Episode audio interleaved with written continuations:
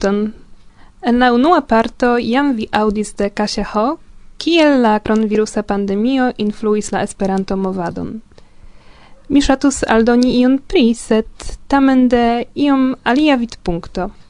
Kiel la pandemio influis nian ĉiutagan vivon, niajn kutimojn, laboron kaj kontaktojn kun la aliaj? Kaj kion ni povas lerni pro tio?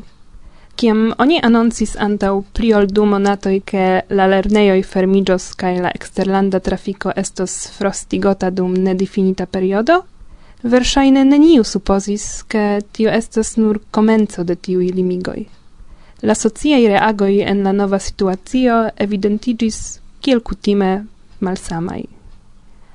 Granda parto de homoi ĝojis, ke finfine ili ne devos starti matene alla laboreia au lerneio, povos kuŝadi gis sato kaj prifajfi la kutimajn devojn. En la unua semajno do ankaŭ mi atendis informon, ke temas nur pri la komenco kaj tiu komforta stato labori hejme plilongiĝos. Kaj estus bone, se tiu solvo ŝajnus alloga por ĉiuj, sed ne. Multaj Inter ili gepatroj kun infanoj devigitaj estis tute reorganizi sian profesian kaj privatan vivon. Tio, kio okazis dum la sekvaj semajnoj, komencis miksiĝi ankaŭ en mia konscio. Informoj kaj novaj malpermesoj, kiuj celis haltigi disvastiĝon de la kronviruso en Pollando, aperadis kiel fungoj post pluvo. En iu momento mi perdis eĉ orientiĝon, kion mi rajtas, kie, kial kai pro kio. Limigoi sub la ŝtata consilaro restu heime, la oficiale instrukcioi kiel giuste la vimanoin, limigo de la nombro de homoj kiui povas samtempe estien unu vendeio, fermo de teatroi, kineioi, gimnastikeioi, restauracioi, malpermeso de convenoi en la grupo pli granda ol du homoj kai ne nur. Cio tio creis novan kai pli frue tute nekonatan realecon. Probable vi spertis au spertas hodiau multain el tiui limigoi en viei landoi. Versaine vi spertis au spertas nun ancau sentoin de isoleco, malcerteco kai timo pri viaj proximuloi kaj gamikoj. Ne nur vi, carai. Ankaŭ multai el inter ni estis malliberigitaj heime, cio comence estis plaĉa, sed nun jam ne tiel ĝojas. Mankas kontakto kun amicoi, etoso de la laboreiai corridorei babiladoj, eĉ momento de teumado aŭ kafumado kun la plej bona amikino. Post tiui tagoi de isolezo, nun volonte mi en irus balconon kiel la italoi por canti laute alla strato. Sed citie en Polando oni tui pensus che mi idiotigis au tro drinkis la popolan medicamenton contra virusoi, nome vodko żobrowka. Kion do oni ne elpensus, prestis nur la reto, kie eblas babili kun la plej bona amikino kaj geamikoj, inter ili ankaŭ kun la esperantistoj. Kaj la popola medicamento sole ne tre bongustas. Felice ekstere ancora ofte estas malplaĉa vetero, do ne tiel fakte malplezuras sidi hejme. Tamen la kronvirusa pandemio spitalmiaj plendoj iel estis instrua, private kaj socie. Unue gi montris ke malgraŭ ĉio la plej grava por ni estas kontakto kun la aliaj. Mi volas diri la kontakto rekta, kiu en la tempo de komputiloj kaj tutmondiĝo ne plu estas evidenta. Kvankam dankal telefonoj, komunikiloj, retmesaĝiloj kotopo, ni kapablas kontaktigi kun homoj eĉ el alia flanko de la mondo, ankoraŭ nun kaj probable bonŝance tiui solvoi ne capablas anstataŭigi rectan cunecum, contacton vid al vide. Nundo, pro tiu pandemia sperto disigitai de la familio, de geamicoi, tion ni povas senti pli clare ol iam ein. Due, subite evidentigis, che pli doloras nin fermo de ne tiel comercaj centroi, kie oni povas aceti cion, kiel parkoi kai arbaroi. Prescau ciu tage de la pandemia realezo mi malcovradis en Facebooko ke iu el inter miei geamicoi fondis la parapetan au balconen giardenon, kaj la fotoi de gi, tui, kai cun granda fiero fanfarone estis aparigitai en la reto, quasau kiel gepatroi laudus sian novnaskitan bebon. Krome, multaj homoj subite komencis interesiĝi pri aĉeto de Jordana parcelo, por havi la propran tranquilan verdan oazon, kien oni povus eskapi kiam ein oni desirus. Kai, kiam oni finfine informis pri malfermo de la parkoi kai arbaroi, en tiu momento ec la vetero igis suna kai agrabla, homoi ammase jetis sin al la verdejoj. Efike aperis tie pli multe da homoi ol estas folioi sur la arbustoi kai arboi. Kai estu saggia, ciui en maskoi, unu aput la alia admirante la naturon, curantai cun entusiasma crio tie cae reen infanoi, kiel en la plei terura horroro, au forgetita de la realezzo bildo el la filmoi de Fellini. Trie, pro la pandemio devigitai ni estis quasau reorganizi nian tempon denove manco de multai pli fruai solvoi kion fari dum la tago causis subitan ricevon de pli da tempo. Exemple, iam kiam mi bezonis fari acetoin, simple mi iris al la vendejo. Nun, pro la limigoi, devigata mi estas stari en vico de homoi, kai compreneble, mine en iras tui. Kion fari dum tiu nekutima longa attendado? Aperas pensoi. Kai dum la tempo attendado ni comenzas rimarki multa in afero in kiujn kvankam ja ili estis, ni opiniis ne tiel gravai. La pluran fojon do la vivo, ĉu ni deziras tion aŭ ne, instruas nin, ke nenio estas firma kaj certa. Plej ofte al katastrofoj ni ne havas influon. Nur kion ni ricevas estas iu nova scio. Ĉu ion do ni lernis firme pro tiu akcidento kun la pandemio? Eble nun tiun neantaŭvideblecon de vivo ni komprenas pli klare. Sed ĉu plu ni memoros pri tio dum kiam la problemo malaperos? Jen la demando, al kiu respondon ŝatus scii ankaŭ mi. Nu, ni vidos. Gosia.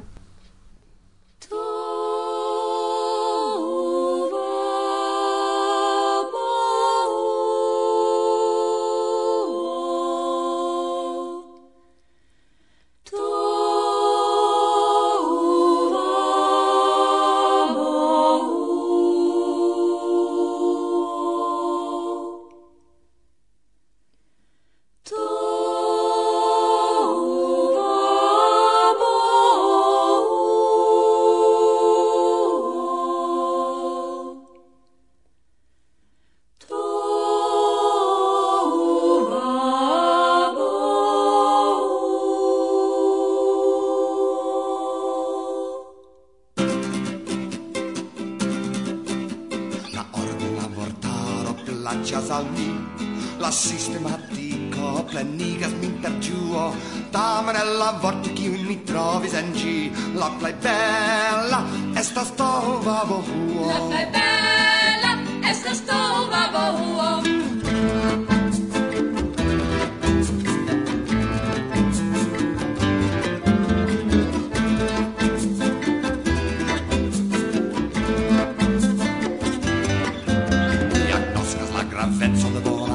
contenat kaj deklara sistemo por quitanze kai facturoi. Tamen al lia propra administrat nur applicicias unu vorto do vabohuo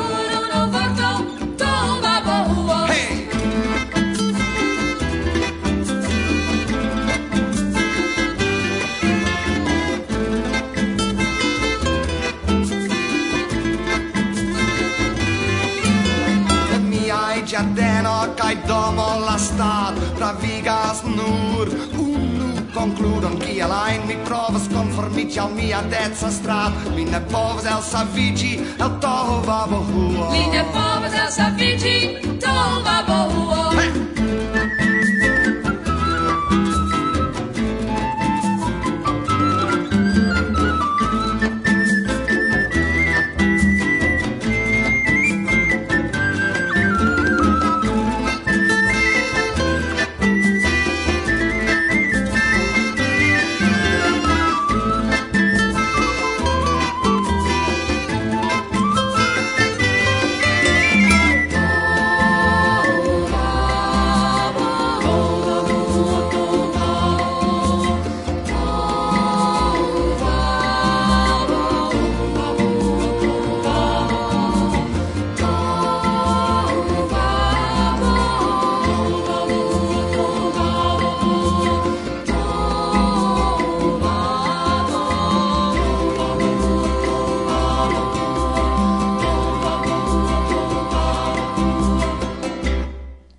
Varsovia vento.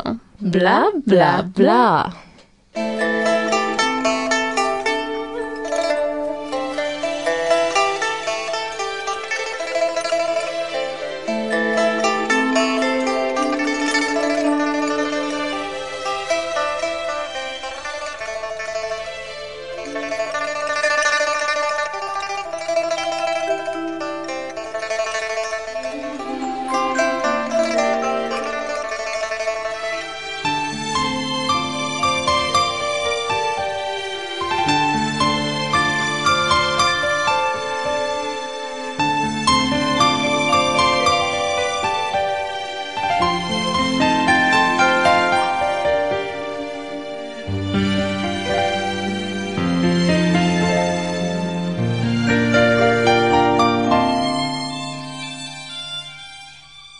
Saluton.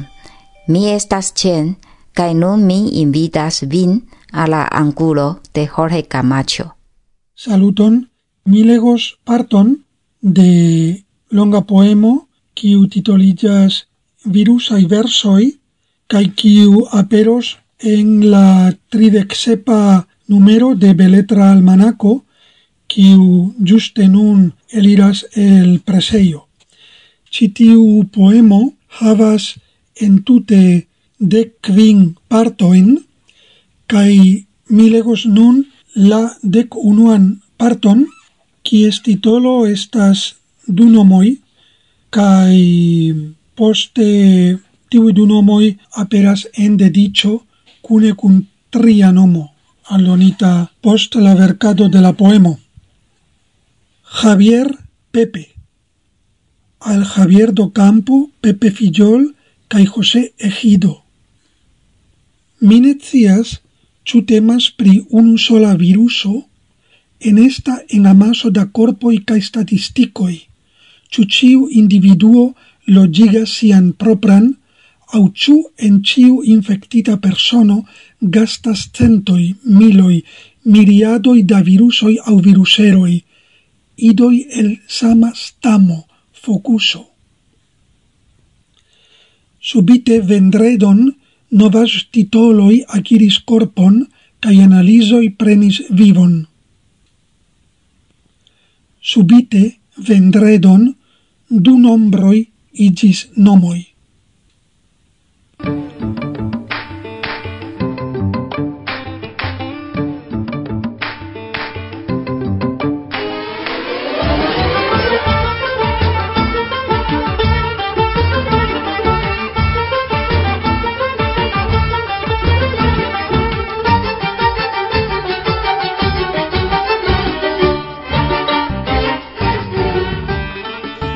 Saluton carai ascoltantoi de Varsovia Vento nella plei bonae el sendoi cun mi cis nun ascultis. Mia nomo estas Reza Khair Kha kai podia mi volas paroli al vi pri Irek. Tamen ne temas pri la redaktoro de tiu ĉi radio elsendo Varsovia Vento, ne Irek estas Irana Esperanto Kongreso, kiu okazis antaŭ kelkaj semajnoj virtuale.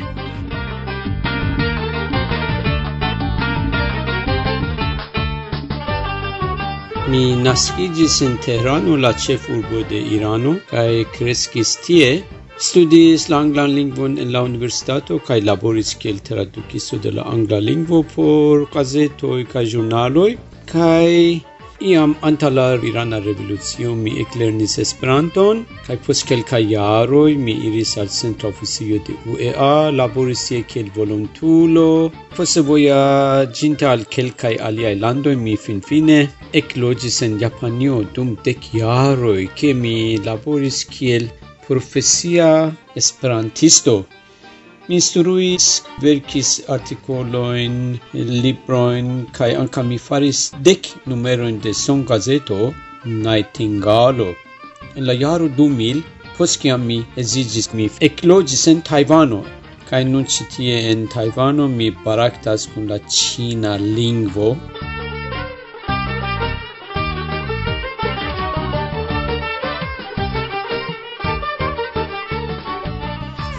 Do, de la deksesa ĝis la deknama de aprilo dum kvar tagoj oni okazigis irek ĉiu tage de matene deka horo ĝis kvara, kvina aŭ sesa horo.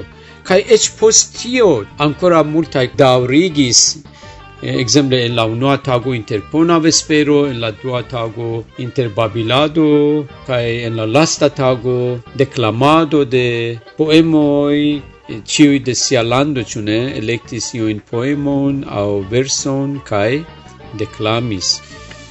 Gi esis facte la sepa foio.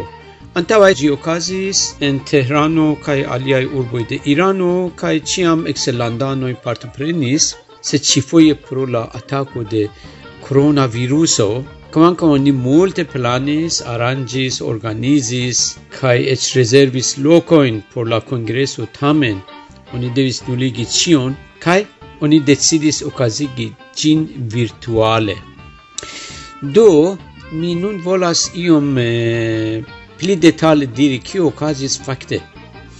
En la unua tago, doktoro Sayatpur, la prezidanto de Irana Esperanto Asocio IREA, salutis la kongresanoin en la mateno, kaj poste doktoro Duncan Charters, la prezidanto de UEA, salutis kai parolis alla homo kiu aligis kai fakte en la unua tago esis iom da teknikaj problemoj pri bildo, pri voĉo, iu ne povis paroli, iu ne povis aŭdi, iu ne povis vidi. Do ni uzis Zoom komunikilon. esis la unua fojo oni tiel uzis gin do esis kelkaj problemetoj. Do en la unua tago estis anca declamo de poemoi, kai la postagmezo estis yogo.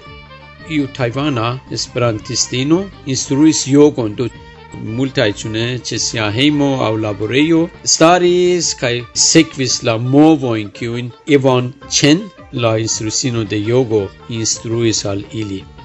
Kai do la unua tago pasis per kelkaj prelego exemple unu prelego estis de inĝeniero Mamduhi pri angla au Esperanto kai Reza kiu esas mi prelegis pri Tajvano, kulturo kai movado kai anka sinor Kosari parolis pri Esperanto en Irana gazetaro. kai anka estis iu violonludo kai tie la unua tago iom eh, rapide finigis En la dua tago esis amaso da prelegoj, ekzemple doktoro Sayadpur, Dima Shevchenko kai Anna parolis pri la revu Esperanto kai respondis al la demandoi, ingeniero Manboj parolis pri nova vivestilo kai profesoro Jo el Tajvano parolis kiel Tajvano sukcesis contrastari koronaviruson. Do facte in Tajvano, ĉu ne? etc. malmulte da infectoi kai mortoi. Doktoro Corsetti, Anna Lowenstein kai Mirei Grosjean kai doktorino Karimi, doktoro Azerbushang prelegis kai esis iu kviza concerto do per violono Franz Aozo kiu nomiĝas Oazo ludis violon partoin kai oni devis diveni kiu estas tiu kaj de kiu lando estas. Do estis iu kvaza konkurso. Anjo Amika kantis kaj oni tagmanĝis virtuale. Do multaj metis la foton de siaj tagmanĝoj por montri kion ili manĝas. En la tria tago estis kelkaj prelegoj pri pandemio.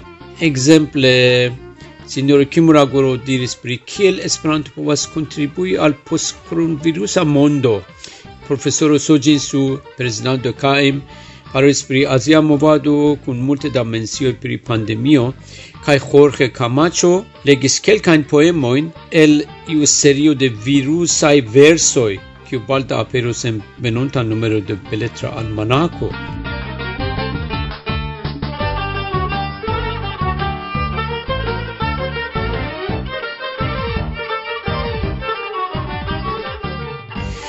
Dum tiu ci kongreso anca ni havis amo seminarion. Do en la tria tago Stefan McGill, fama esperantisto kiu iniciatis tiun seminarion kaj en multaj partoj de la mondo jam gvidis, ĉifoje unuafoje virtuale gvidis cin.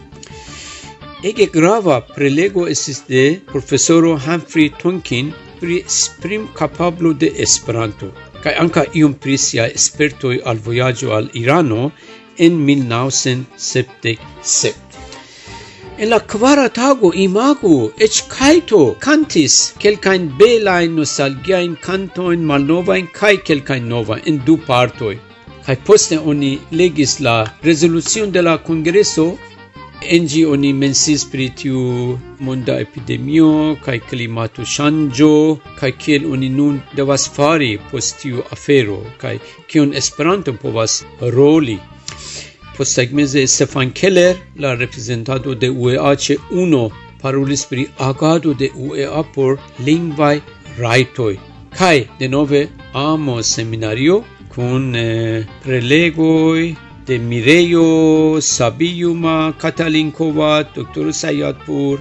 kai en la lasta parto ni havis filmeton de profesoro Robert Philipson, kiu estas tre fama lingvisto Li havis tre bonan prelegon kun titolo Kvin mitoj pri angla lingvo. Oni fakte invitis lin partopreni la kongreson, tamen li pro okupiteco ne povis, tamen permesis ke ni traduku tiun filmeton al Esperanto. Do, sinjoro Benjamin Irwin, Kanadano, kiu loĝas en Tajvano kaj en mia urbo Pindon en sudo de Tajvano, li tradukis kaj mi montrante tiun filmeton el sur papero legis en Esperanto.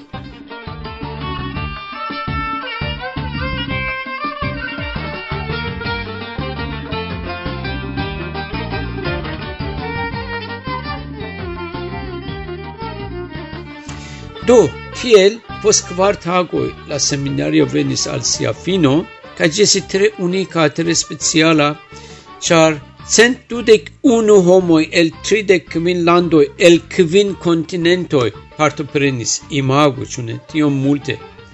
Esti tre successa.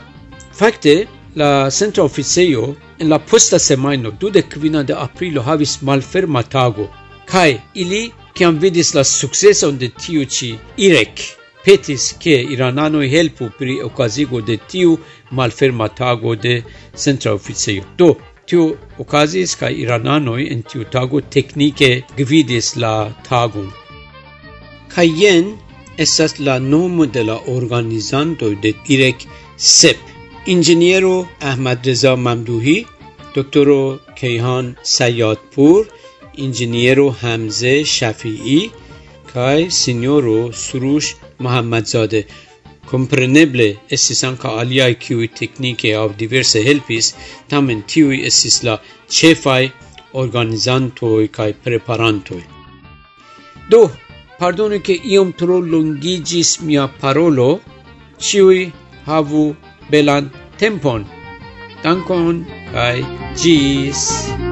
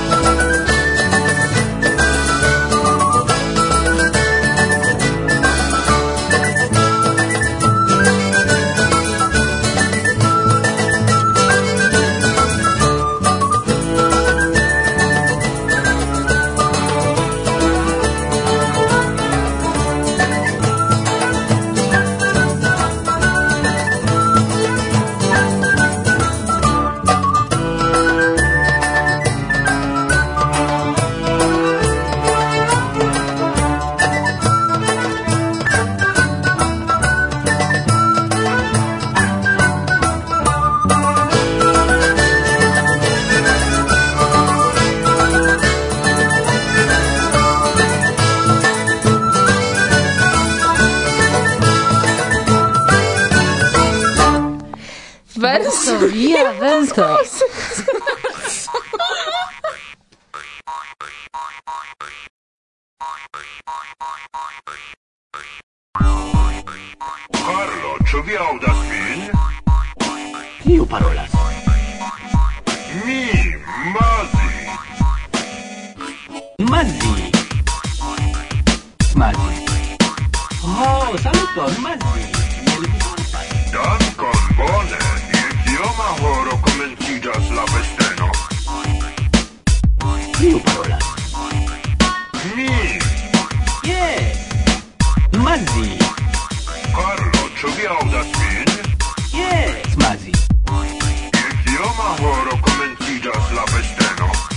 Poste ne. Lega meze.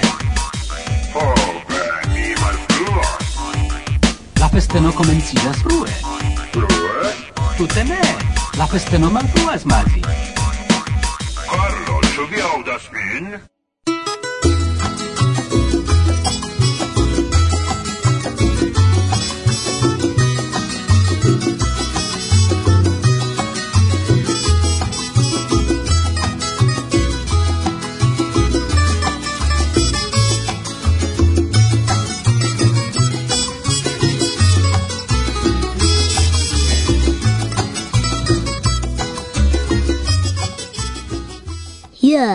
Yes, Varsovia vento.